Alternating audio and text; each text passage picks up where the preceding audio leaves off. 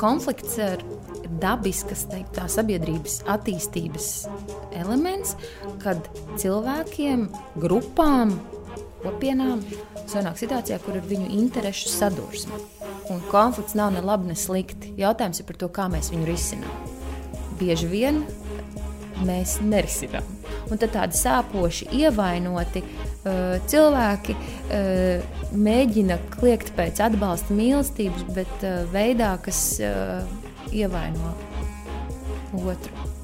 Ja mēs iz, ja apzināti censtos izskaust no savas valodas vispārinājumus par to, ka tu, tu vienmēr tā dari, tu nekad man nesaki, tu nekad man nepalīdzi. Jūs visi esat tādi, tas taču ir katram skaidrs, vai ne?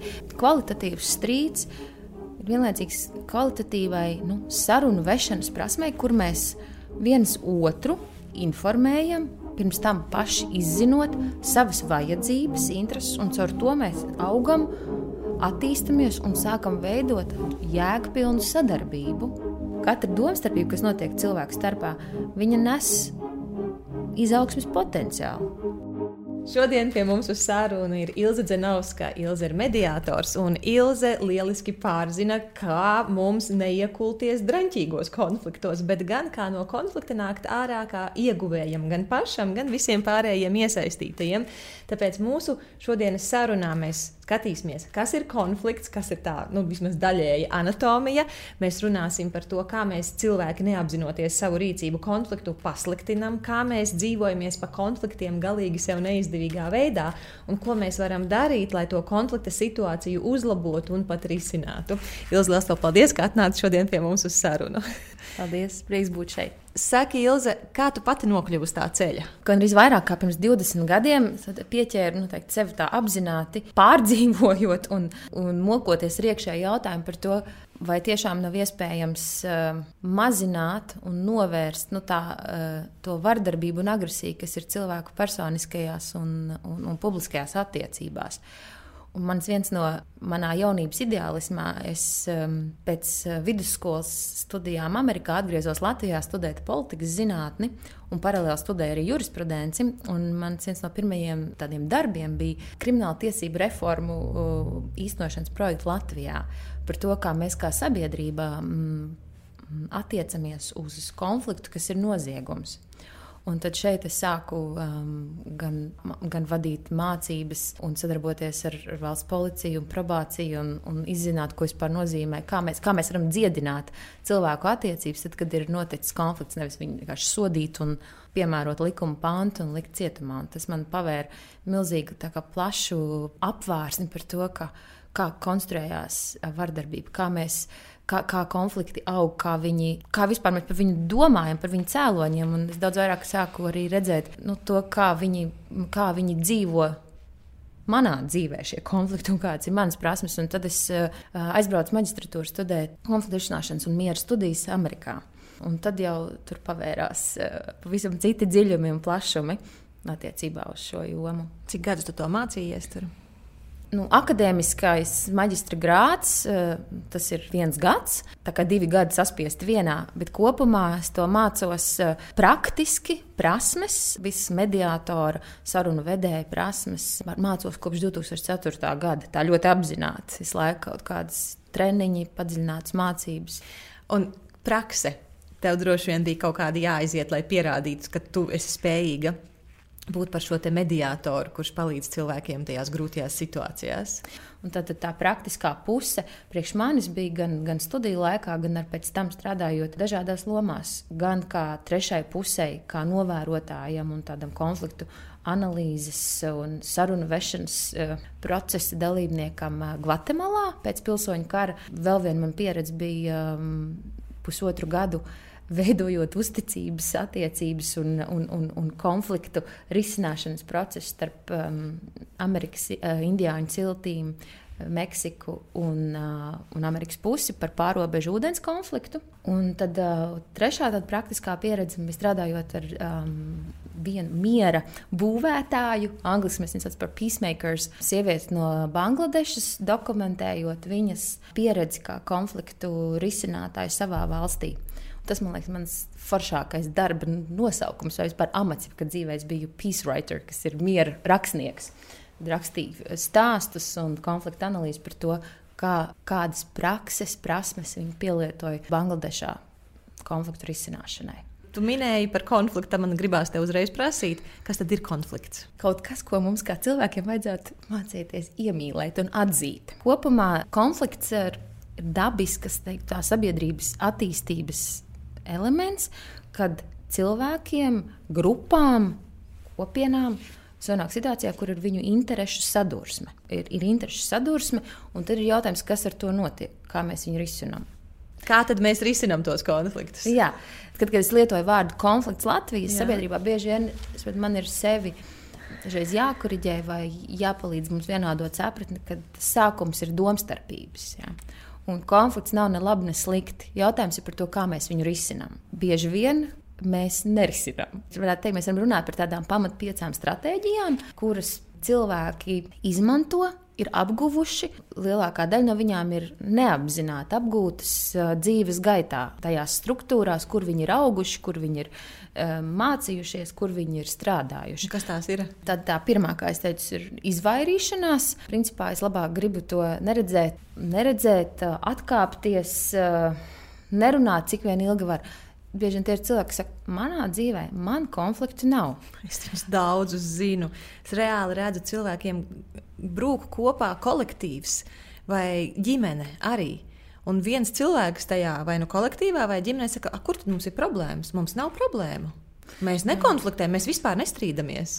Jā, un tas, ir, tas jau ir bieži vien man viens pazīstams psihoterapeits. Tas ir tas brīdis, kur pāris aiziet pie psihoterapeita. Psihoterapeits saka, nu, šobrīd es vairs jums nevaru palīdzēt. Tad, kad tas cilvēks saka, ka mums nav problēma, mēs vairs nestrīdamies. Mēs vispār nestrīdamies, vai mēs nekad nestrīdamies. Tas jau ir pavēlu. Ja? Jā, labāk ir, ka strīdās. Neizbēgami, teiksim, tā strīds, kvalitatīvs strīds. Ir vienlaicīgs kvalitatīvai nu, sarunu vešanas prasmei, kur mēs viens otru informējam, pirms tam paši izzinot savas vajadzības, intereses, un caur to mēs augam uh, attīstamies un sākam veidot jēgpilnu sadarbību. Ja tā nav, tad bieži vien tajās attiecībās būs varas pārsvars vai līdzsvara trūkums, kur kāds kā tanks ies un savas vajadzības pieprasīs. piepildīs, mm -hmm. pieprasīs visas iespējamās metodas. Un pretī būs cilvēks, kurš lielākoties mīļā, miera labad, pielāgosies, samierināsies, cerēs, ka to novērtēs Un tādējādi šī plaisa starp to, ka vienam, vienam ir uzvaras tikai savas, otrai pusē savukārt ir uh, zaudējumi, jo par viņa vajadzībām vai viņas vajadzībām netiek konfliktā nerunāts, ne vispār sadzirdēts. Tas teikt, tā attiecību ilgspēja ir apdraudēta. Un tas ir vienalga, vai mēs runājam par ģimeni, vai mēs runājam par komandu, vai par darba kolēģiem, draugiem, Un tad viens no tiem stratēģijām, ko tu minēji, ir izvairīšanās stratēģija. Tātad... Kopā viņas ir, varētu teikt, ir piecas, un Jā. tad ir tā, droši vien mēs varam uh, par to izvairīšanās, izvairīšanās stratēģiju. Kā, kā redzēt, ka oh, šitā notiek izvairīšanās stratēģija? Es negribu par to runāt. Es eju prom, es runāju tikai par lietišķu, mainu tēmas. Mēs profesionāli viņu saucam par bruņurupuču stratēģiju. Reāli man, es nerisinu. Man ģimenes ir, kas tā arī saka Mēs runājam tikai par praktiskām lietām, par bērniem un viss. Izmēr, tas ir ļoti skumjš brīdis, ja mēs to tā dziļāk apzināmies. Jo tas nozīmē, ka cilvēki ir nu, apbedījuši, vai pat nekad nav atļāvuši, vai ir uzdevuši to iespēju izveidot viens ar otru patiesu, patiesu dziļu cilvēcisku saikni. Viņi nekad, viņi, eh, viņi nekad neuzzina, kas otram ir īstenībā vajadzīgs un svarīgs. Un mēs dzīvojam tādā šķietamā kopībā, bet tur ir milzīgas plaisas, vai praktiski tur ir kā, trausls tiltiņš, pa kuru mēs uh, lavierējam, jo pa viņu mēs varam pārnest tikai ļoti mazu, uh, vieglu nastu pāri. Un nekas cits tur nav iespējams. Un uh, komandās tas, ko es esmu redzējusi, ir tas tā saucamais zilonis telpā, par kuru neviens nerunā. Tā arī ir izvairīšanās stratēģija. Jā, Protams, tur viņam ir izvairīšanās piemērs. Tajā brīdī, kad uh, es esmu redzējis komandās, uh, kas ir vadības komandas, ir acīm redzami, ka kāds no, no komandas cilvēku nav, nav apmierināts ar to, kā kāds no dalībniekiem uh, visu laiku ņem vārdu vai izsaka piezīmes, dažādā veidā tad, tad pauž savu, savu dominanci vai savu neapmierinātību. Piemēram, izmanto uzņēmumu vai resursus. Vienalga, vai tas ir laiks, vai tās ir telpas, vai tās ir finanses, vai tā ir cilvēku uzmanība. Un pa kaktiem vai apkārt individuālās sarunās par to runā, bubinu. Šu, šu. Jā, tas ir tad, jau tajos gaiteņos.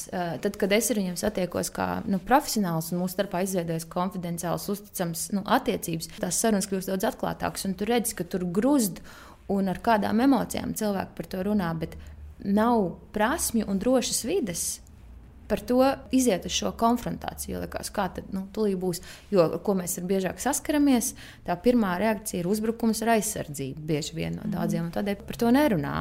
Kaut kādā brīdī jau ir tā buferzona, kur var pievērt acis, izvairīties, nu, izlaist tvaiku gaitņos, bet tas jau ar laiku, tas kritiskā masa vienmēr jā. visiem cēloņiem ir sekas. Tad tā ideja, ka mēs esam ārpus cēloņa saka likuma, ir utopiska. Ja es apspiežu savas vajadzības, piemēram, pēc balss un sadzirdēšanas komandā, ilgstoši, kaut kur es to kompensēšu. Un visticamāk, neapzināti, un par to kāds maksās par šo manu iekšējo trūkumu sajūtu. Un kas notiek tajos brīžos, komandās, kad pieaug spriedzi, kad pieaug uh, resursu uh, ierobežojums, kaut kāda vidas. Uh, struktūrāls izmaiņas, kuras nu, kad, rada apdraudējumu. Kad reāli piegriež tev skrūspīlēs, tev ar vienu piegriežu. Jā, spriedzes apstākļos viss mūs, ma, mums mazinās tā mm -hmm. spēja amortizēt kaut kādu diskomfortu. Dzīve parūpēsies, ka kaut kādā brīdī mēs sāksim vadzis, to ieraudzīt. Tas vadzis lūzīs.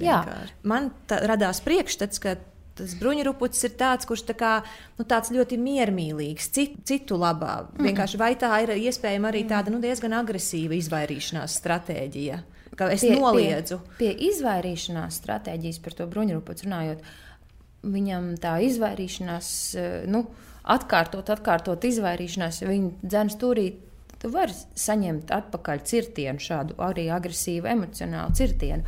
Tas piemērs par sievietēm bieži vien ģimenes attiecībās, arī kolektīvos. Tas atslēgas vārds, ko tu minēji, bija piekāpšanās. Konflikta teorijā tā dzīvo pati kā atsevišķa stratēģija. Te mēs runājam tā par vēl viena stratēģija. Jā, te mēs ja? runājam par tie, kas piekāpjas. Viņi nenoliedz, ka konflikts ir, bet viņi darīs visu mīļā miera labad, lai neizietu uz konfrontāciju, lai neizietu uz sarunu. Un, Un šajā gadījumā ir tā, ka viņi atzīs, parūpēsies par tās otras puses vajadzībām, lai tikai citiem ir labi, es lai saprotu, tik manas tu... attiecības eh, nesaskādējās. Es saprotu, tev ir daudz stresa, tāpēc es tev tagad neko neteikšu pēc tam, un tā tas pēc tam tur gadiem velkās, vai ne? Tas nozīmē, jā, tā, tā piekāpšanās nozīmē, ka nepienāk tas brīdis, kad es pasaku jā sev, savām vajadzībām. Ir tā, tā rūpe, ir tikai, lai viss būtu labi, un tad tās attiecības nu, turpinās. Tiešām tas mūsu tautas izteiciens, mīļā, miera, laba, ir tā kā. Nu, Lozungs, tā kā bezmaz vai vērtība, kā pēc kuras dzīvot.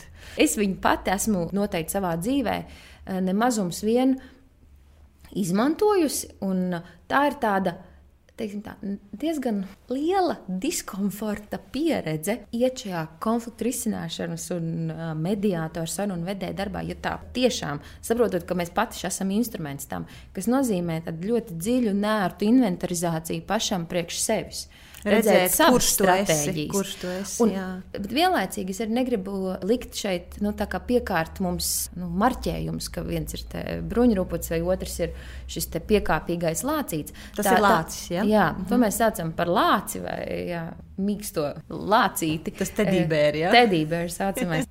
Atkarībā no tā, ar kādiem cilvēkiem mēs nonākam kontaktā, kāda ir tā kultūra vide, kur mēs nonākam, mēs um, varam dreifēt, vai mēs varam iekāpt dažādās stratēģijās. Un uh, tad te ir jāpiemina vēl uh, nākamā, ja mēs domājam tā schematiski, tad, tad tā pretēji tam, tam piekāpīgajam lācim ar radikāli pretēju stratēģiju ir uh, agresīvā aizjūs, kas par katru cenu uzvarēs, parūpēsies par sevi. Kā viņi saucās tā stratēģija? Es viņu saucu par haizivju stratēģiju vai par konkurences stratēģiju. Konkurences stratēģija, ko tas nozīmē? Uzvar par katru cenu. Mm -hmm. Uzvar par katru cenu, un uh, viss, kas man interesē, ir, ka es dabūnu to, ko es gribu, un kas, manuprāt, man ir vajadzīgs.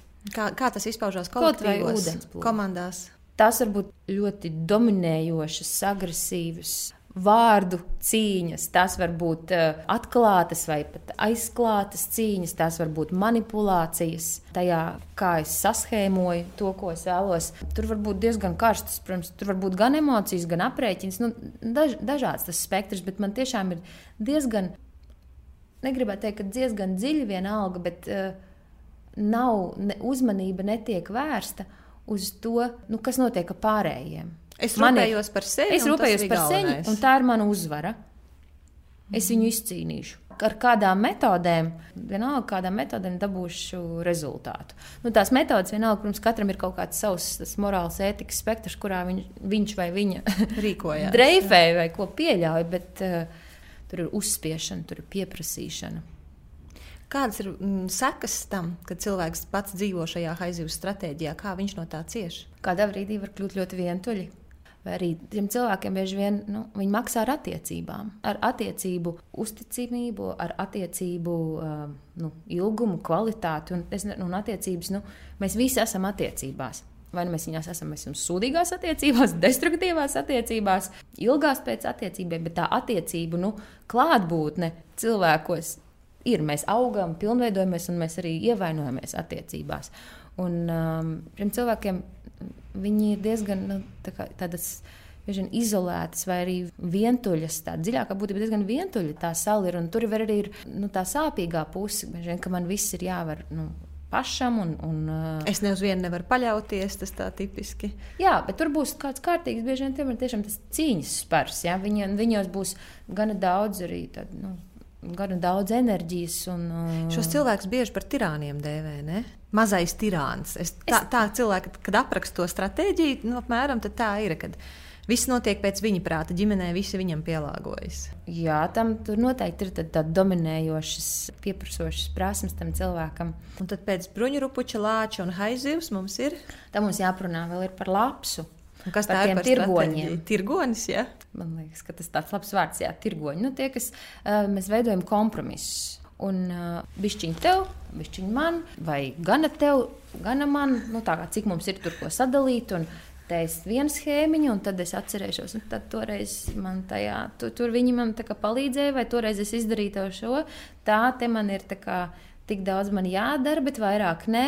Nu, mēs sveram, tirgojam, zinām, ka varēsim kā atprasīt. Mm -hmm. Un tas vārds nu, par kompromisu jau nu, kā, tas ir tas. ta- Tas ir augstākā konflikta risināšanas prasa. Nu, savā ziņā tas noteikti daudz sološāk nekā iepriekšējā stratēģijā. Mēs varam nonākt pie tādām pusuzvarām. Mm. Mm -hmm. Tas ir pusuzvars. Jā, Nu, tad, tad tas, ko mums parasti māca, nu, bieži vien saka, ir jāmāk iziet uz kompromisu. brīnišķīga tēze. Mēs neaizejam uz to tiksim, augstāko iespēju, kas mums ir dota ar šo domstarpību, klātbūtni mūsu dzīvē, uz sadarbību, uz konsensusu. Kad mēs visi jūtamies, kas esam iesaistīti tajā konfliktā, beigās kā uzvarētāji. Kā ieguvēji. Kā ieguvēji un kā uzvarētāji. Kad es esmu gan pilnīgi dabūjis savu, savu uzvaru un tu uzvaru, un tā nav uzvara pār cilvēku, Bet tā ir uzvara tajā, ka es esmu devis labāko iespējamo risinājumu jā. un jā, nodrošinājumu tām vajadzībām, kas ir man un kas ir tev. Un kas ir tas, eh, ja cilvēks ir eh, iegājis šajā stratēģijā kompromisi, kas ir tas sekas, ko viņš tāpēc zaudē un ko zaudē viņa apkārtējie? Un to otru pusi, ko mēs, ja mēs esam tajā kompromisā, mm -hmm. ja, tad mēs esam pie Tas no kā atteicos, tas no kā es atteicos. Tātad. Nu, jā, un Kad tu jautājums, teici, bišķiņi mazāk, Nu, redzi, un jautājums ir, vai es vispār zinu, ko es zaudēju, un tā līdz galam, kas man ir vajadzīgs. Jo bieži vien nu kā, izveidojās tā domstarpības, ir sadursme ja, par interesēm un uh, par interesēm kādā situācijā. Un, ja es neieeju dziļāk un nepajautāju kārtīgi, ja man nav prasmju un ieradumu noskaidrot pie sevis, kas tiešām man ir vajadzīgs, es ļoti ātri aiziešu jau pie tā, ka, kā es tā ātri risinu, tā nu, lai būtu vilks pēc, tā kā kaza dzīve. Plus, mīnus.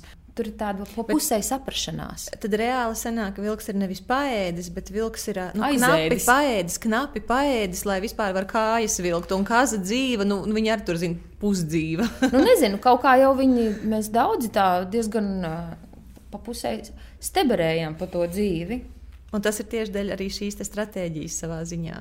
Tā kā zina, es nezinu, ko nozīmē, kad var paēst kārtīgi. Oh, ja? un vilks arī nezina. Jā, un vēl palika dzīva.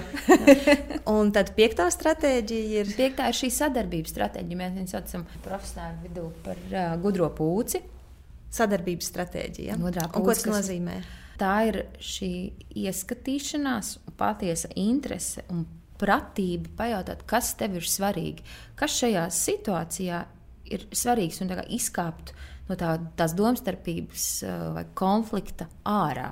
Mm -hmm. Un nevis skatoties vienam pret otru, bet abiem vai visiem paskatīties uz, šo, uz, uz, to, uz to notikumu, uz to sadursmi nu, no malas. Un tad caur to sadarbību, skaties, kā mēs varam okay, kas ir tev svarīgi, kas ir man svarīgi, kā mēs varam meklēt dzīvot spējīgus risinājumus tavai vajadzībai vai vajadzībām un manām vajadzībām un interesēm. Tur ir vispār tad, nu, iespējams šī ļoti ko konstruktīvā sarunas norise, un pēc tam viņi nav ar aprēķinu. Jā. Nu, ja mans tiešām, ja mans aprēķins ir, lai tu būtu pēdusi. Lai, lai, ab, lai mums abiem ir labi. Jā. Tas nozīmē, ka uzvar, es nedaru, uzvar. lai tikai tev ir labi, un es nedaru, lai tikai man ir labi, un es nedaru, lai tev ir kaut kas, un man ir kaut kas, bet arī tev kaut kas nav, un man kaut kas nav. Tad gudrās pūces stratēģija ir, es gribu, lai tu dabū maksimumu, un es dabūnu maksimumu. Jā, tā ir pašdisciplīna un arī un, um, patiesa cieņa pret, pret sevi un otru. Jo, redz, ja es neesmu parūpējusies par sevi ilgstoši, tā kā tas lācis vai tas bruņupucis, tad cik tad ilgstoši es varu, kā, nu, kā, un kā tas var rūpēties par, par citu? Ja? Tas būs kaut kur visu laiku notiek, kāds cits par to maksā. Tad, kad es par sevi neparūpējos, Parasti cilvēki domā, ka es tikai par to maksāju, bet tu tagad rādi, ka tad, kad tu par sevi neparūpējies, cits maksā par to, ka tu par sevi neparūpējies. Nu, kaut kur mēs kompensējam to, ja mēs neparūpējamies par savām vajadzībām. Ja mēs necienām tās vajadzības, kuras aktualizējās miedarbībā ar mūsu ģimenes locekļiem ilgstoši, mm -hmm. tad kaut kur, kaut kādā vidē, kur mums ir vieglāk, mēs iespējams nu, nokompensēsim tieši pretēji. Tad, kad mēs par šo runājam, man nāk prātā personīga pieredze, kas bija skaudra un supervērtīga. Tā bija būšana vienā komandā. Es ieguldīju lielu darbu. Un sākotnēji mums, mums bija ļoti, ļoti labas attiecības ar to projekta galveno cilvēku. Uh, Un uh, tad sanāk, nu, izveidojas tāda situācija, ka partnerē projektā aktualizējas citas vajadzības. Viņai bija jāprūjas par savu ģimeni, par veselību, un tad vēl citiem kolēģiem tur mainījās kaut kas karjerā. Un mana tendence, tāda defaulta modelis, ko es esmu izkopusi savā bērnībā, vecāku šķiršanās un, un vajadzību pielāgoties tos ģimeņu modeļos, un tā teikt, mīļā, miera, laba, nedod Dievs kaut kādas diskomforts un, un emocijas agresīvas. Es ļoti labi es apzinājos, un man bija iespēja ieraudzīt tādā krāšņumā, kā šī piekāpšanās vai mīļā miera labad stratēģija strādā. Un viņi iet roku rokā bieži vien ar tādu pāratbildību. Un tā pāratbildība ir ļoti strumtīga lieta, jo tas, ka es uzņemos pāratbildības, darot arī citu kolēģu darbus, jo man, redziet, man tas arī iedvesmo, man tas projekts bija ļoti svarīgs sūce jau radās kaut kur citur, jo es jau neesmu bezizmēra būtne. Jā, es varu savu jaudu audzēt, bet tomēr tas notiek kaut kādos uh, fizikas likumus ietverā. Un es rezultātā mana pāratbildība vienā jomā bija bezatbildība kādā citā jomā. Un sekas tam ir neizbēgami tas skāra arī pēc tam tāpat tā kā aiziet kaut kā tā, tā pēcefekts, aiziet pēc tam tālāk, vēlāk pie citiem komandas cilvēkiem. Un tad, ja tas būtu risināts sākumā, par to runāts, rekomendāts šāda situācija, kā mēs viņu varam risināt, okay, atbildīgi pret saviem resursiem. Visi. Tā bija mana kļūda. Es par to nerunāju, un beigās jau mēģinot to visu turēt kopā, mēs nonācām noteikti līdz tādai konfliktam un, ak, Dievs, arī ar iekšējām bēdām un dusmām, kuras veido aizvainojumu, redz, kā nenovērtē. Jo tam eh, lācim, lāčukam, viņam iet līdzi tas iekšējais narratīvs par to, ka es, nu, gan jau pasauli man pateiks paldies un viņu novērtēs.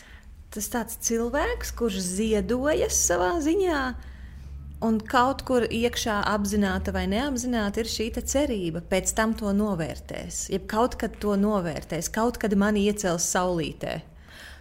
Jā, nu, mēs tā kā atdodam, tu savā ziņā atdod kaut kā savu daļu sava spēka. Mm -hmm.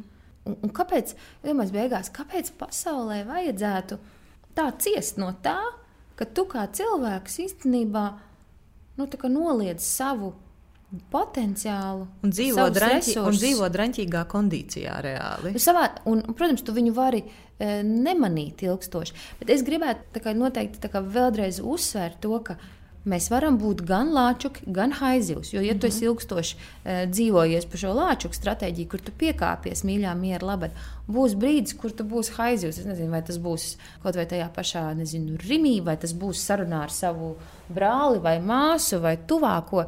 Bieži vien var novērot, ja ir radikāli šīs, te, šīs stratēģijas, ka cilvēki viņās, viņām staigā savā profesionālajā un personīgajā dzīvē. No kurienes konflikti rodas? Kas ir konfliktu cēloņi, kas ir konfliktu pamatā?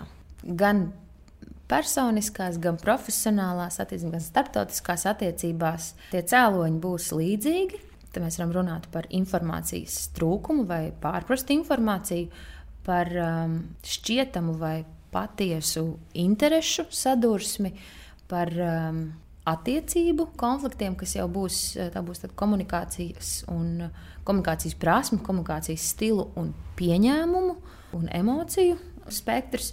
Un tad mēs vēl runājam par struktūrāliem uh, cēloņiem. Un šeit noteikti gan tas, kāda ir veidota ģimenes struktūra, kādas ir attiecības uzņēmuma struktūrā, komandā, valstu attiecībās, tas struktūrālais veidojums. Un vēl mēs varam runāt par ļoti tādiem dziļiem vērtību konfliktiem. Mm -hmm. un, eh, kad mēs ar tevi sazvanījāmies, es tev teicu, ka bieži vien man cilvēki sūdzās, ka viņiem darba vietā ir toksisks cilvēks. Un tad tu man sacīji tādus vārdus, nu, es negribu īsti lietot to vārdu toksisks, drīzāk skatāmies, kāpēc komanda ir disfunkcionāla. Tad kas ir tas par iemeslu, mm -hmm. ka mēs līdz tam vispār nonākam, kad man liekas, ah, es ar šitiem vispār neko izsināt nevaru? Mm man jāatzīst, ka man tiešām tā iekšēji iesmeldzās, kad mēs ļoti tā nu, pārliecinoši, kategoriski dodam šos nu, raksturojumus. Birkas, mēs viņus par birkām Jā, saucam. mēs pieliekam birkas cilvēkiem. Tie ir toksiski, tas ir neprofesionāls. Viņa ir, nezinu, vai kāda cita neirotiķa. šīs diagnozes, mm -hmm. tādā populistiskā valodā, tik dāsni dalām pa labi, pa kreisi un tad vēl nostiprinām šos pieņēmumus. Un tajā brīdī tu esi uzcēlis sienu, eh, nevis nometis laipiņu vai pat nezinu, nolaidis to paceļamo tiltu, lai jūs varētu iziet uz to cilvēcisko saikni un aizskatīties, kas tad ir aiz tās aizsargs sienas. Aiz tām cilvēku stratēģijām, kuras eh, viņš savā uzvedībā pauž vai savā valodā pauž.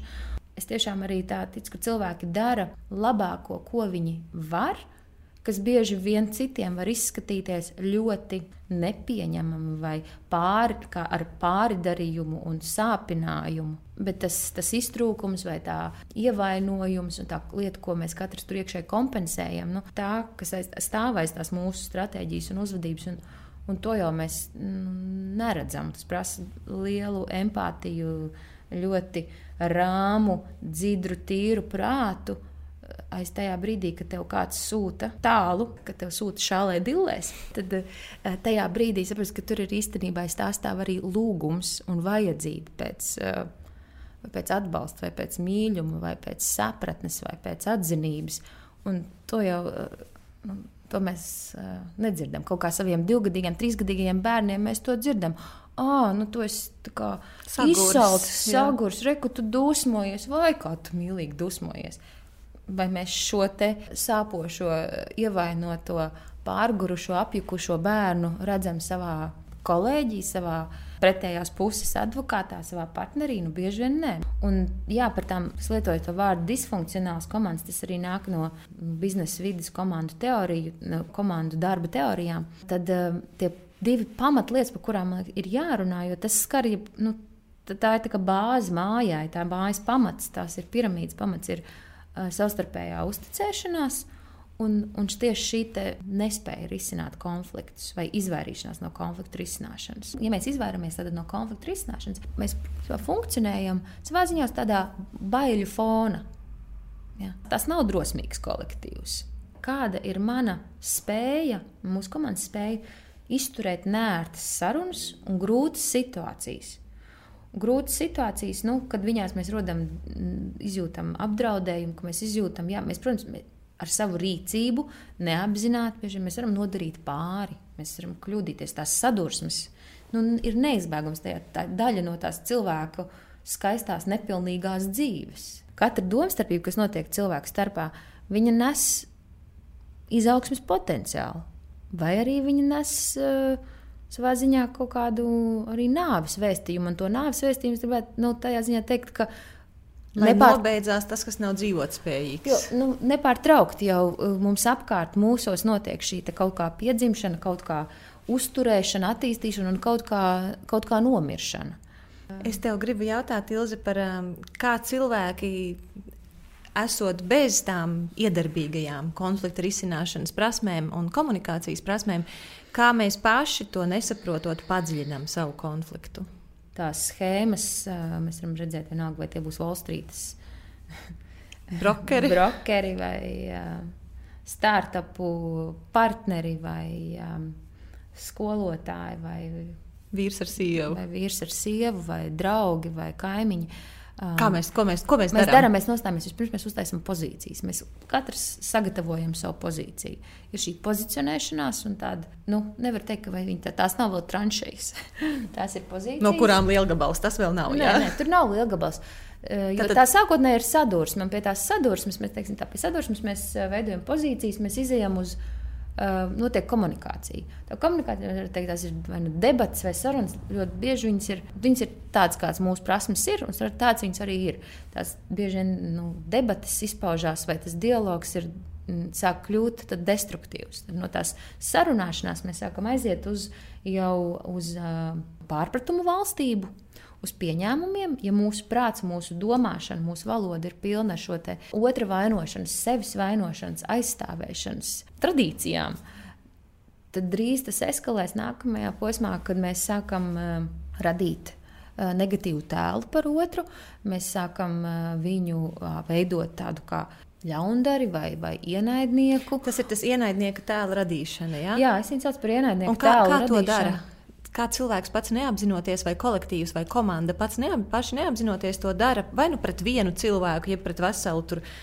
Nezinu, mārketinga komanda pret grāmatvedības komandu. Mēs sākam, mēs redzējusi. sākam runāt, mēs sākam nostiprināt paši sevi šos pieņēmumus par to, kāds pirmkārt, tas cilvēks pirmkārt, ir. Paskaidro, kas ir pieņēmums, bet nevis mm -hmm. tādā mhm. teorētiskā veidā, bet caur praktiskiem piemēriem. Mēs pieņemam, ka viņi noteikti viņi man šo projekta iesniegšanas termiņu nokavēja tīšām. Viņa ir uz mani uzēdusies. Tas būtu pieņēmums. Jā, mēs sākam, mēs sākam, mēs pieņemam, es zināju, ka cilvēki nepatīku. Brīnišķīgs piemērs. Es viņai nepatīku, vai viņa uz mani ir uzēdusies, vai viņi noteikti kaut ko perina. Viņiem, viņiem tas pilnīgi ir skaidrs, ka viņi negrib man palīdzēt šajā projektā. To viņi noteikti dara ļaunprātīgi. Viss šie ir, šie ir stāsti, pieņēmumi, ko mēs savā galvā stāstām, un super ātri. Man nesen pašai bija situācija pat ar saviem kolēģiem eh, mediācijas laukā. Es uzstājos vienā konferencē, zinātniskā konferencē, tīri individuāli, kā pētnieks. Un, uh, es biju pieteikta uh, Un tas pieteikums bija saistīts arī ar manu uh, organizāciju, kurā es darbojos. Un pēc tam gadījās situācija, kad man šī organizācijas kolēģiem tika uzdots jautājums par šīs organizācijas dalību tajā konferencē. Un ļoti ātri tika izveidots pieņēmums, ka es esmu darījusi apzināti vai nesniegusi informāciju kolēģiem, kas tur piedalos, vai kad es pārstāvu, kas, kam nebija pilnīgi nekāda sakara ar to manu realitāti. Tas vienkārši to kaut kāds anketas aizpildīšana, tur parādījās šis organizācijas vārds, un nevienā, nevien, nevienos sapņos man nevarētu ienākt prātā, ka tas tā varētu attīstīties, bet tā vietā, lai mēs palūgtu paskaidrot, Mēs uztaisām skaidrojumu sev. Nu, noteikti, noteikti, ka viņa to gribēja noslēpt, vai viņa gribēja nezinu, savu izdevīgumu. Nu, mēs, tā, mēs uzbūvējam otra pieņēmumus par otra nodomiem. Ja, jo mūsu, mūsu prāts grib izskaidrot, nu, kāpēc, tā, kāpēc viņi tā dara. Un, un tas, ko mēs izskaidrojam, mana pieredze rāda, tas, ko mēs izskaidrojam, balstās uz mūsu visslimākajām domām par sevi un savu vietu pasaulē, uz vislielākajām aizdomām un uz vislielākajām bailēm. Jā, tas tavs skaidrojums būvēsies tajā, cik daudz tu uzticies vai neusticies pasaulē, cik ļoti tu, es teiktu, tā mīli un cieni pats sevi uz tavu vērtības Un sajūtu. droši, vai pareizāk sakot, nedroši tu jūties šajā jā, pasaulē. un, jā. un, un tas notiek nu, tā kā Tas nav, nav tā, ka es Zibenīgi. varētu izvēlēties, kā es to iztulkošu. Tas ir tā kā tur parādījās vieta, un uzreiz bļakts viņā iebrauca iekšā visas manas sliktākās domas par sevi un par pasauli. nu, tādas jā, sāpīgākas Jā, jā, domas, jā, jā, es tieši tā. teikšu. Jā. Bet, nu, jā, tā pieņēmuma valstība un, un attiecīgi viņi iet roku ar, ar pārpratumiem. Mēs arī mēs ļoti pārprotam vienu teikto. Mēs paņemam lietas ārā no konteksta. Mēs, mūsu spēja dzirdēt otru, ir īpaši tad, jau, kad mums ir apdraudējums. Vai arī tad, kad mēs esam attiecībās, vienalga darbā vai mājās, kuras ir jau vēsturiski kādu laiku nu, bijušas. Ja? Mēs izdarām tādus pieņēmumus par to, kā viņš rīkosies, vai ko viņš domā. Es jau zinu, ko viņš ar to domā, vai zinu, ko viņš rīkosies. Un mēs dzīvojam tādā pagātnes, mēs tagadni interpretējam caur pagātnes filtriem. Manī jau neviens nekad neklausās. Šie stāsti mūsu galvā, ko mēs esam iemantojuši par sevi un par otru, vai ne, kad manī neviens neklausās, vai es jūtos kā piektais ritenis, vai nu, šī vardarbīgā valodas forma, kur es uzlieku, es atņemu spēku sev un uzlieku atbildību citiem. Kā, kā- valodā tas izpaužās, ka es atņemu spēku sev un uzlieku atbildību citam? Valodā tas izpaužas, ka es sāku runāt par to, ka jā, mani izolē, mani nenovērtē, mani neievēro.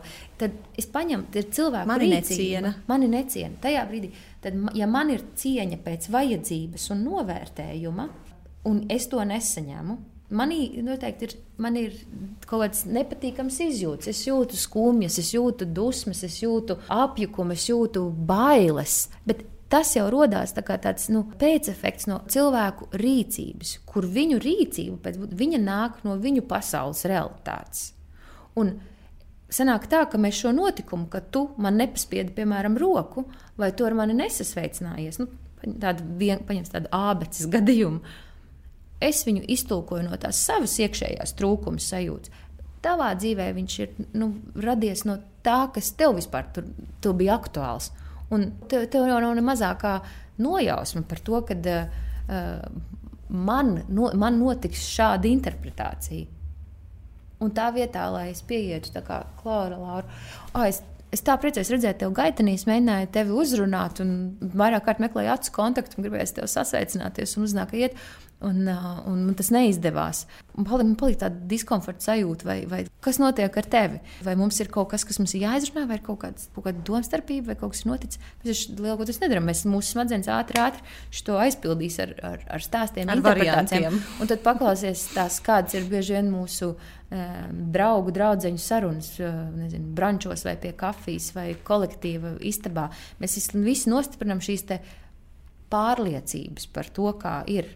Nevis noskaidrojam, un tas ir komandās. Vēl, ja tas tā kā nāk, viena lieta ir tā mūsu personiskā, nu, tas pagātnes stāsts un, un pieredzes kā mēs esam, ko mēs esam pagātnē kaut kur pieredzējuši, kā mēs tulkojam tagad eh, tālāk cilvēku uzvedību. Bet tad ir vēl ir tās kultūras kaut kāds stāsts, kolektīvais narratīvs par to, kā, kā lietām jānotiek vai nenotiek. Un tad tiek uzbūvēts tāda pieņēmumu valstība un siena, kad viņai izlausties cauri nu, ir. Ir ļoti grūti. Mēs esam jau sevi kā, teikt, iebetonējuši tajā narratīvā. Es nevaru nociesties, man te jāpastāsta anekdote. Man viņa liekas īstenībā tāda tra traģekdote, bet Traģek- nu, man viņa stāstīja kā anekdote. Ka, uh, viens draugs aiziet pie otra drauga ciemos un saka, nu, kas, kas tev noticis, ir, ka tu kādreiz mēs visu kaut ko kopā darījām, tur kopā ēdām pie tevis tur vakariņas, un tu tagad esi pilnīgi pazudis. Un tas, tas otrs draugs saka, ka, nu, jā, tu man nozagi manas sudraba karotes. Jā, un tas pirmais saka, kādas sudraba karotes? Es nekādas sudraba karotes tev neesmu zadzis. Man pašam mājās ir sudraba karotes. Viņš saka, nē, nu es jau zinu, zinu. Es atradu tās savas sudraba karotes, citā atvilknē bija, bet rūkstošs te palika. Mm -hmm. Jā, jā tāds, šis, ir, šis ir dzirdēts par, par, par, par mūsu savstarpējo attiecību jomu. Un, un tā kā šajā gadījumā pat bija risinājums, ja, bet uh, Un tā iznāca tā. Bet bieži vien jau pat nepastāsta, kas ir noticis. Un tu, tu minēji, ka ir pieņēmumi, ir tas iekšējais narratīvs, tie stāsti, ko es mm -hmm, sev piestāstu. Mm -hmm. Un tas veido to, to, to ienaidnieku tēlu, jo pie tā ienaidnieka tēla, tad, līdz ar to ne, ienaidnieku tēlu veidošanās, tad nāk roku rokā, nu, mēs atsvešināmies.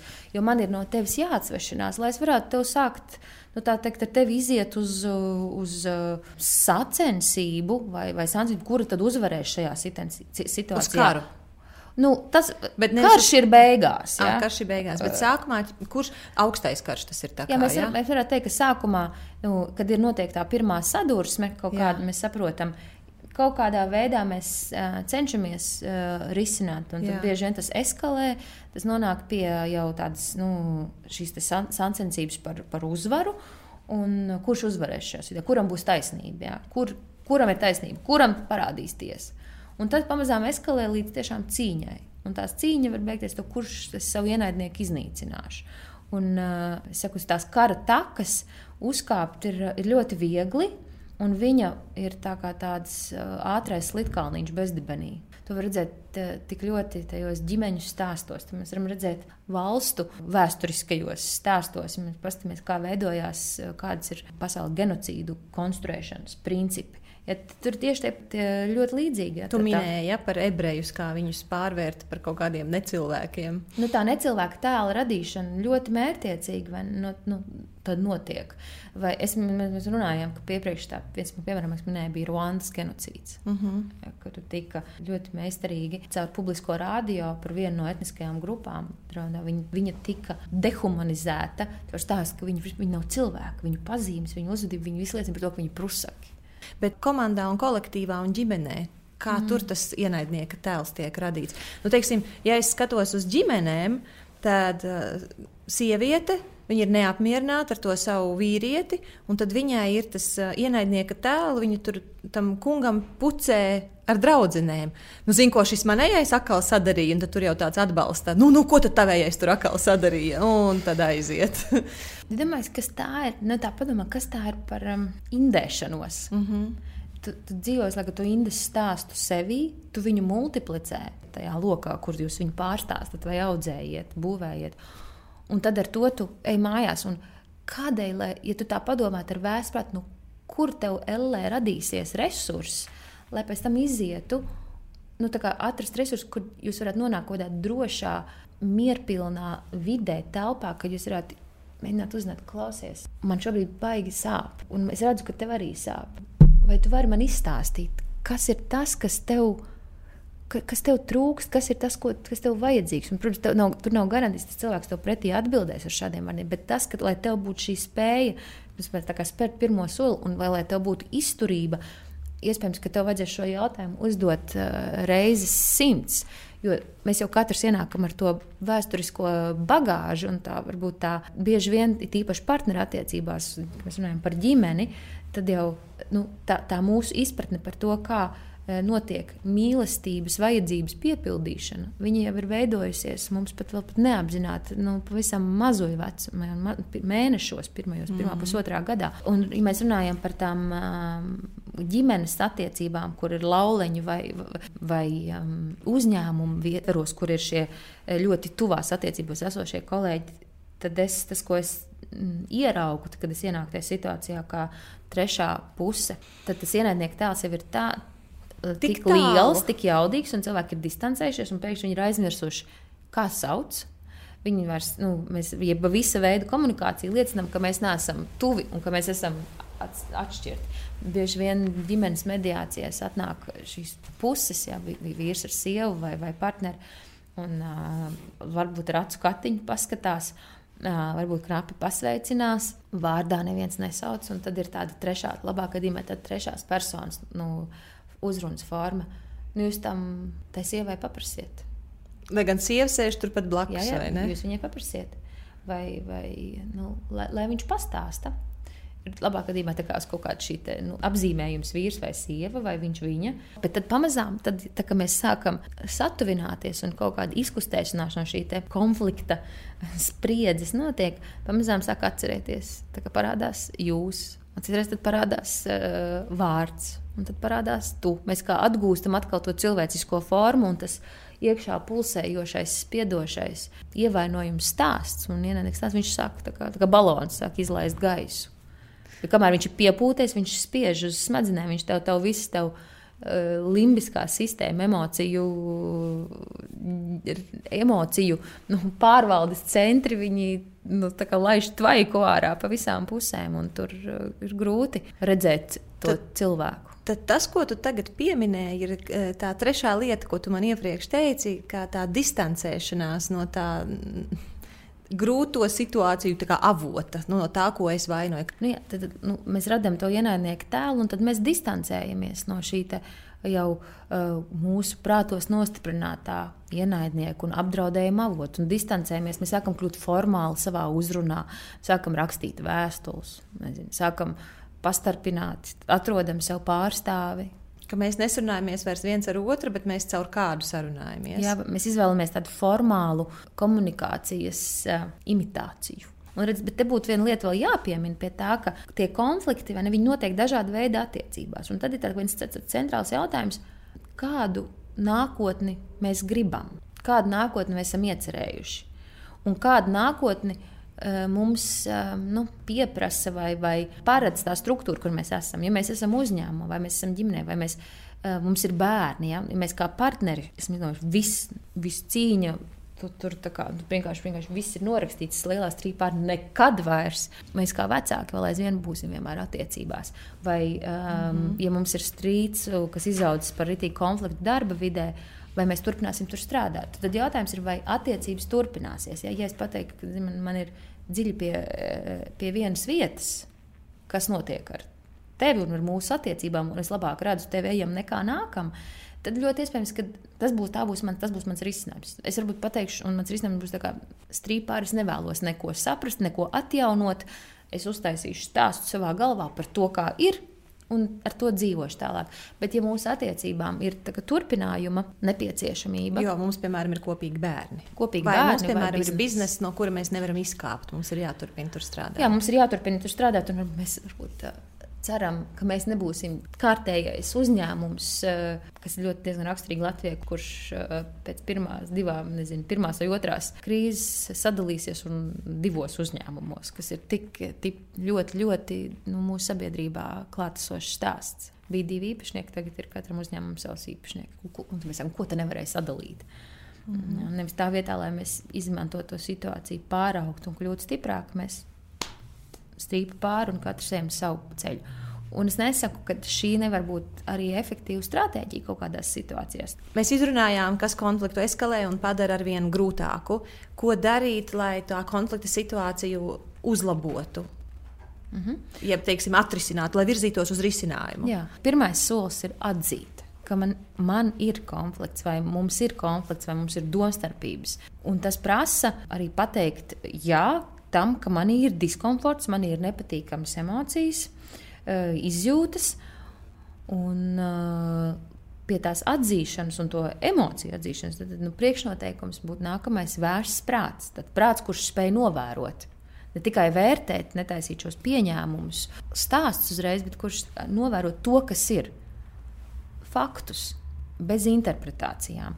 Un tas, kā mēs šo vēso prātu, nu, pirmie soļi tajā ir kaut vai tiešām zinu, iziet, iziet pastaigā, pārgulēt nakti ar tām domām, elpot prakses, meditācijas prasmes un, un, un prakses. Uh, zinu, iet skriet. Es nerunāšu šobrīd par kaut kādām nu, jau dziļākām uh, mūsu iekšējās, nu, par valodas pārveidošanas prasmēm. Tas ir cits stāsts un jau dziļāks treniņš. Bet visi instrumenti, kas tev, nezinu, izmazgā māju, vai, ne, vai kas, jebkas, kas tev ļauj nolaist tvaiku, ar priekšnoteikumu, ka to tvaiku tu nenolaidi uz citiem. Jā. Varbūt tev ir cilvēks, kas uzticams uz bērnu vai iespēšu sunim pa vēderu, piemēram. Jā, jā. Varbūt, jā, varbūt, varbūt tev ir kolēģis, vai tev ir draugs, vai tev ir kāds cits cilvēks aizsniedzamā attālumā, kurš neiestāsies uzreiz tajā ne, vienā vai otrā frontē, bet ar kuru tu vari izrunāt un izvērtīt ja, šīs emocijas. Izlādēt tas, svarīgi ir, ka es, ja es esmu šo emociju varā, tas, kas palīdz iegūt vēsu prātu, ir, ka man nevis saka, izbeidz tagad, tu tagad nomierinies, it kā to varētu šitā izdarīt, bet gan ļauj man izrunāt uz āru, bet arī nekurbulē līdzi. Ja, tas, ko, ko tu runā šobrīd, ir tādiem ļoti mūsu emocionālās inteliģences nu, pamat uh, uzdevumu vai, vai, vai iespēju. Ja, es emocijas apspiežu, Viņas manī tur ar šo saka, apklusti vai nomierinies. Es tagad mierīgi. Ja? Mēs, tas nav nekas būtisks bet tas nav nekas svarīgs. Tad mēs, mēs viņus, viņus apspiedīšu. Ja es viņus izlādēšu uz āru, uz kādu citu izmetīšu, es viņus atkal būšu savā ziņā palaidusi vējā. Es nebūšu, nebūšu viņus izmantojis, lai pārvaldītu un gudri pārvaldītu. Jo no viņām es varu uzzināt, ka manī dzīvo vajadzības, ka man kaut kas trūkst, ka man ir vērtības, kas ir svarīgas. Un tad ir jautājums, vai es atkal šo iespēju izmantošu, lai par viņām parūpētos, vai es atkal viņu noignorēšu tā ir tā cilvēka nu, pašizaugsmes nu, atbildība šajā dzīvē, kad mēs sākam nobrist, uzņemties atbildību par savām emocijām. Un to vēsā prāta nodrošināšanu. Un tad mēs varam iet tālāk pie tās nākamās risināšanas. Jo mums ļoti gribās, mums tā kā bieži vien pieņēmums, ka ir tā viena taisnība un ir tā viena realitāte, bet ir tava realitāte un vienlaikus ir mana realitāte, un ir tavs stāsts un ir mans stāsts. Tad, kad es esmu kā mediātors kurpēs, es dodu atzinību gan tavam stāstam, gan tava partnera vai kolēģa stāstam. Un, tas, un uh, atzinība nenozīmē, ka es piekrītu, jā, jā, tā ir. Bet es atzīstu to, ka reku, šis ir tev svarīgi. Es varu saprotu, ka ar tavu pieredzi un tavu izpratni pasaules, ka, tā, ka tas, tā teikt, angļu sakot, it makes sense, ka tam ir jēga. Tā ir tava, nu tā kā tava šī. Ka tas izskaidro tava tā, tas dzīves redzējums, jeb tas, kā tu uztver pasauli izskaidro, kāpēc ir arī šī situācija. Jā, ar tavu ja? informācijas, mm -hmm. tev pieejamo informāciju, ar tavu izpratni, ar tavām pieredzēm, tāds stāsts var būt, un mm -hmm. viņš ir. Mans uzdevums nav viņu noliegt, viņu Mm -hmm. Protams, ka tajā stāstā tavā iespējams būs gan vainošanas, mm -hmm. gan mhm. šie dažādi šie agresīvās valodas pazīmes, un, un, un tas prasīs pratību mums viņas apgūt, es atpazīt. Es tev prasīšu uzreiz, kas ir tās pamata lietas. Es saprotu, ka tas viss ir treniņš un tur ir ļoti daudz zināšanas, kas jāapgūst, bet nu, iedod mums uh, kaut kādu to pašu pamatu, kā ar savu valodu nepasliktināt tos konfliktus un apzināti censties izvairīties. Es zinu. Mm -hmm ka tā ir viena no man grūtākajām lietām. Tāpēc, mm -hmm. ja tu tagad pastāstīsi, varbūt cilvēks jau var sākt trenēties vēl pirms viņš pie tevis nokļūst. Pats, pats, pats minimums, un, un kas ir ļoti daudz īstenībā, apzināti censtos izskaust no savas valodas vispārinājumus par to, ka tu Tu vienmēr tā dari. Tu nekad man nesaki, tu nekad man nepalīdzi. Jums, jūs visi. Jūs visi esat tādi. Tas taču ir katram skaidrs, vai ne? Nākamais solis būtu uzņemties atbildību par to savām domām. Klausies, nu man tā liekas, šis ir tas, kā es to uztveru. Nevis pa pasniegt. Es nesaku, ka tu tā dari, bet Jā. mana sajūta ir. Un tā kā es pasaku, ka tā ir tikai mana sajūta, tā es to uztveru. Jā, tas būtu tas pirmais. Tā. Mm -hmm. Nākamā, varbūt tā meistarības uh, solis būtu, ka es runātu par sevi, par savām vajadzībām un savām sajūtām un izņemtu ārā no tā stāsta to vārdu tu. Aha. Tu, tu, tu, tu. Jā, man liekas, ka tu esi tāds, vai man liekas, ka tu, esi, tu darīji to tādēļ. Ne, tas jau būs nākamais solis, kad es tiešām varu runāt, ka man ir svarīgi, un man sāp, un, un man nav skaidrs, ja, ka tur ir daudz vairāk es, mans, mani tajā manā sākotnējā mm -hmm. stāstā nekā tu, tavs un jūs. Tas būtu viens. Un, laikam, trešais, ko es teiktu, tas vārds man ļoti patīk, ko tu lietoji tās birkas. Jā? Mm -hmm. Tā birka, viņš ir toksisks. Vai viņš ir neprofesionāls, vai viņš ir neietjūtīgs, kretīns, kādi no mums ir tie birku vārdi. Histēriķi. Jā, tas nozīmē, ka tu vismaz esmu tu esi uzlikusi šo birku, tu esi uzlikusi to kaut kādu krustu pāri savai iespējai uzzināt, nu, iedot tam cilvēkam iespēju, un jums iedot iespēju veidot kaut kādus pirmos sapratnes soļus. Un tā pēdējā lieta, ko es gribētu pateikt, kas būtu viens jautājums, ko paņemt no sev šajās domstarpības situācijās. Tu vari atrast brīdi un paprasīt, tev, kas man šajā situācijā ir svarīgi, kas man ir svarīgi. Un tad uzdot otram jautājumu, kāpēc tev tas ir svarīgi? Kam kalpos tev šis vai kādēļ? Nu, kas bija tas, ko tu gribēji sasniegt? Kad es izēju aiz tā sava pieņēmuma, pavēru to pieņēmumu aizskaru tas jau būs, tas būs ļoti daudz. Jo tad, tad tie pieņēmumi nobutinē vienkārši milzīgas sienas starp mums. Un vēl vienā brīdī tu teici par nosodījumu, ka ļoti izvairīties savā runā no nosodījuma, bet eh, kā to var dabūt gatavu? Ja, teiksim, kā tas nosodījums, piemēram, kā tas nosodījums izskatās runā? Nosodījums, vērtējums, tiesājums. Tas galvenais uzdevums būtu ko darīt, palikt pie vērojumiem. Un tie vērojumi būs tavi, kas, kad, kur, kas bija tā konkrētā rīcība, ko tu darīji, vai ko es darīju, vai Reāli ko es neizdarīju. Fakti bez interpretācijas, Jā. ko tas nozīmē. Ka Jā. tā tad tu mani nemīli, tā tad es tev neesmu svarīga, to mēs slēdzam ārā. Jā, to tu, tad, tad tu mani necieni, tad, tad tu negribi man sadarboties, tad, tad noteikti tavs departaments kaut ko tur eh, perina. schēmo, schēmo perina un simt punkti viņi grib eh, mani apčakarēt. Ja? Tas vēsais atkal prāts prāts un tas vērojuma spēja mūs eh, nu, iedod iespēju iziet ārpus eh, šiem eh, tiesājumiem, vērtējumiem, nosodījumiem. Jo tad beigu beigās tas parāda to mūsu galvu dziļāko vīrusu. Katra smadzenēs un arī sabiedrības smadzenēs kopumā mēs visu laiku tos pasauli vērtējam labajā, sliktajā, pareizajā, nepareizajā katru rīcību, nespējot viņu tā mierīgi novērot. Un kamēr es katru tavu rīcību uzreiz vērtēju šādi, no savas tās patiesības, uzreiz uzliekot to birku viņai klāt.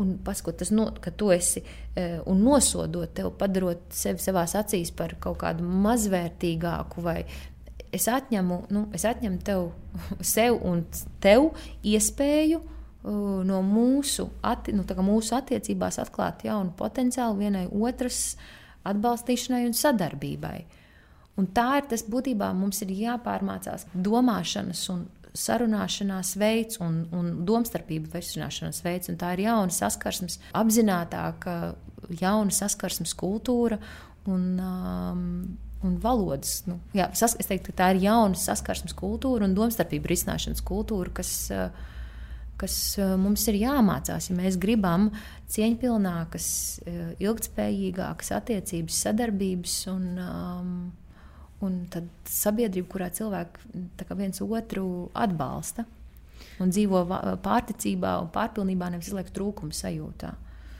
Un tas prasa arī tādu, kā tu mm, man kaut kad sacīji, empātijas spēju.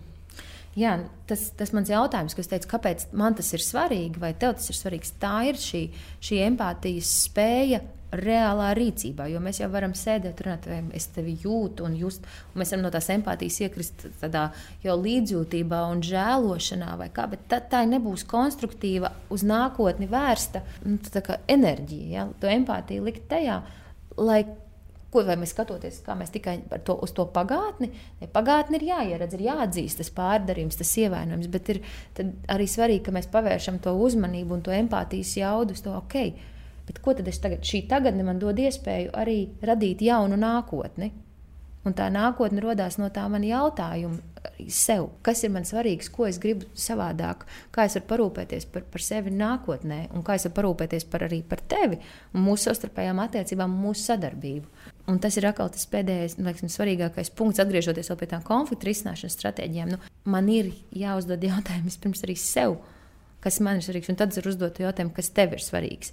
Bet tas nav jāizdara tikai tajās konflikta situācijās. Tas mums ir jādara ikdienā. Jo tajā Tāpat brīdī, kā mēs tīram zobus, mums ir jāzina, kas man ir vajadzīgs. Jā, jo ja tu, tu, ja tu nezini tās savas vērtības, kad tu reaģē visspēcīgāk, kad tu izjūti apdraudējumu, tad neizbēgami, kad konflikta situācijā nu, tad, tad viņa izmilzīs, ja, un, un, vis, un tā sāpe un tas pārdrims, tas viss būs eskalējis. Tev nebūs tā, tas resurss, piemēram, tam pretējam, tam esošam cilvēkam, kurš iespējams ir arī tāds pats, kurš, kurš nav dzīvē uzdevis sev jautājumu par to, kas man ir svarīgi un kāpēc man tā sāp šīs rīcības. Ja. Vai tevī būs tā rezerve un kapacitāte izkāpt no savām tām kurpītēm un tā ievainojumu, kādu brīdi veltīt uzmanību mm. viņam.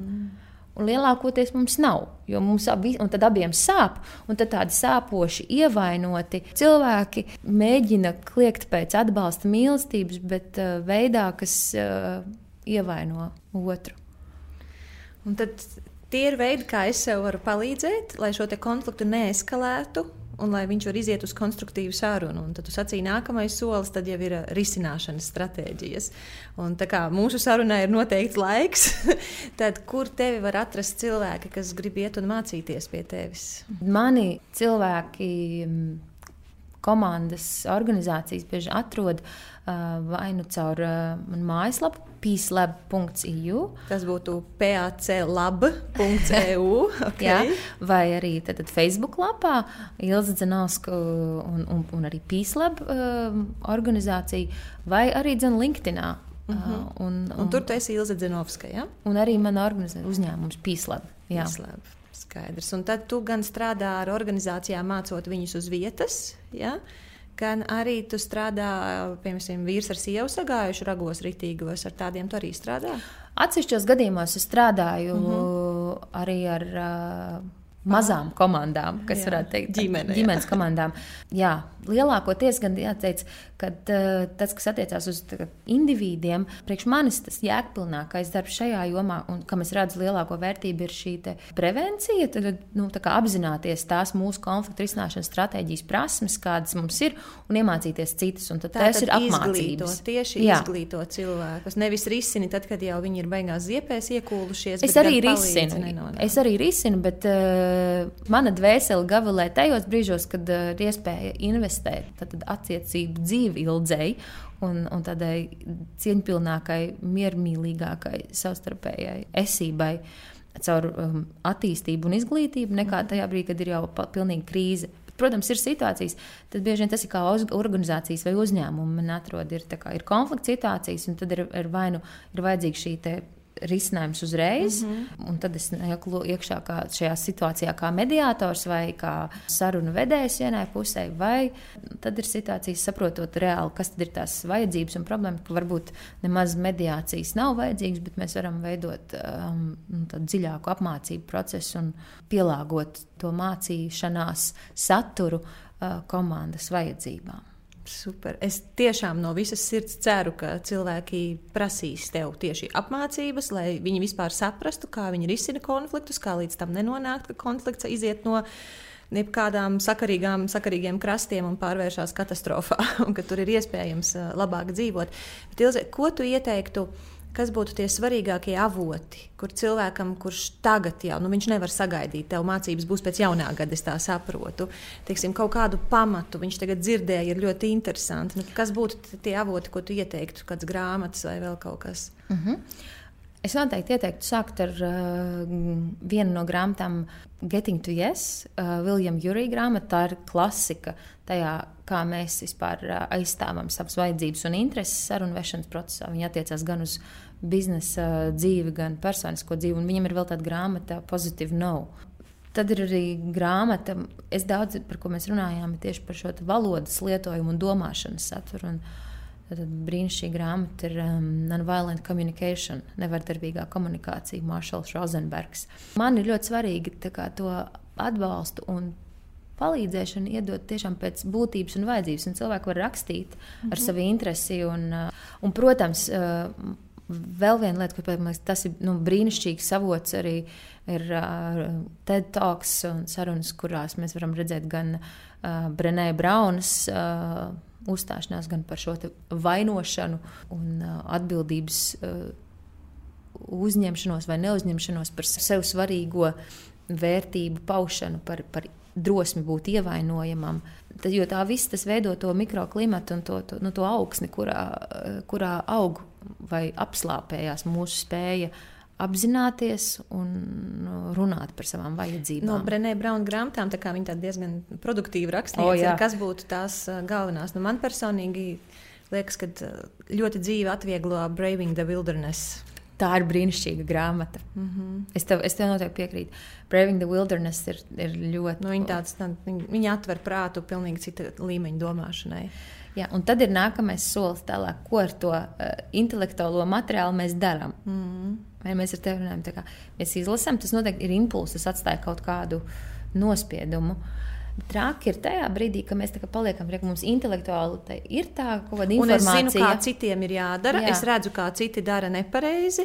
Bet tas, tā spēja pagriezt to redzēšanu pret sevi un novērot sevi arī tad, kad mēs ritīgi esam pielaiduši bikses. Ja?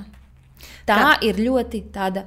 Nu, uh, Inconvenient truth, nu, mm -hmm. nērta patiesība, mm -hmm. bet ļoti svētīga. Mm -hmm. Un uh, tam vajag uh, nu, drosmi un izturību. Tas tagad tas treniņš. Un trenēt ieradumu. Jā.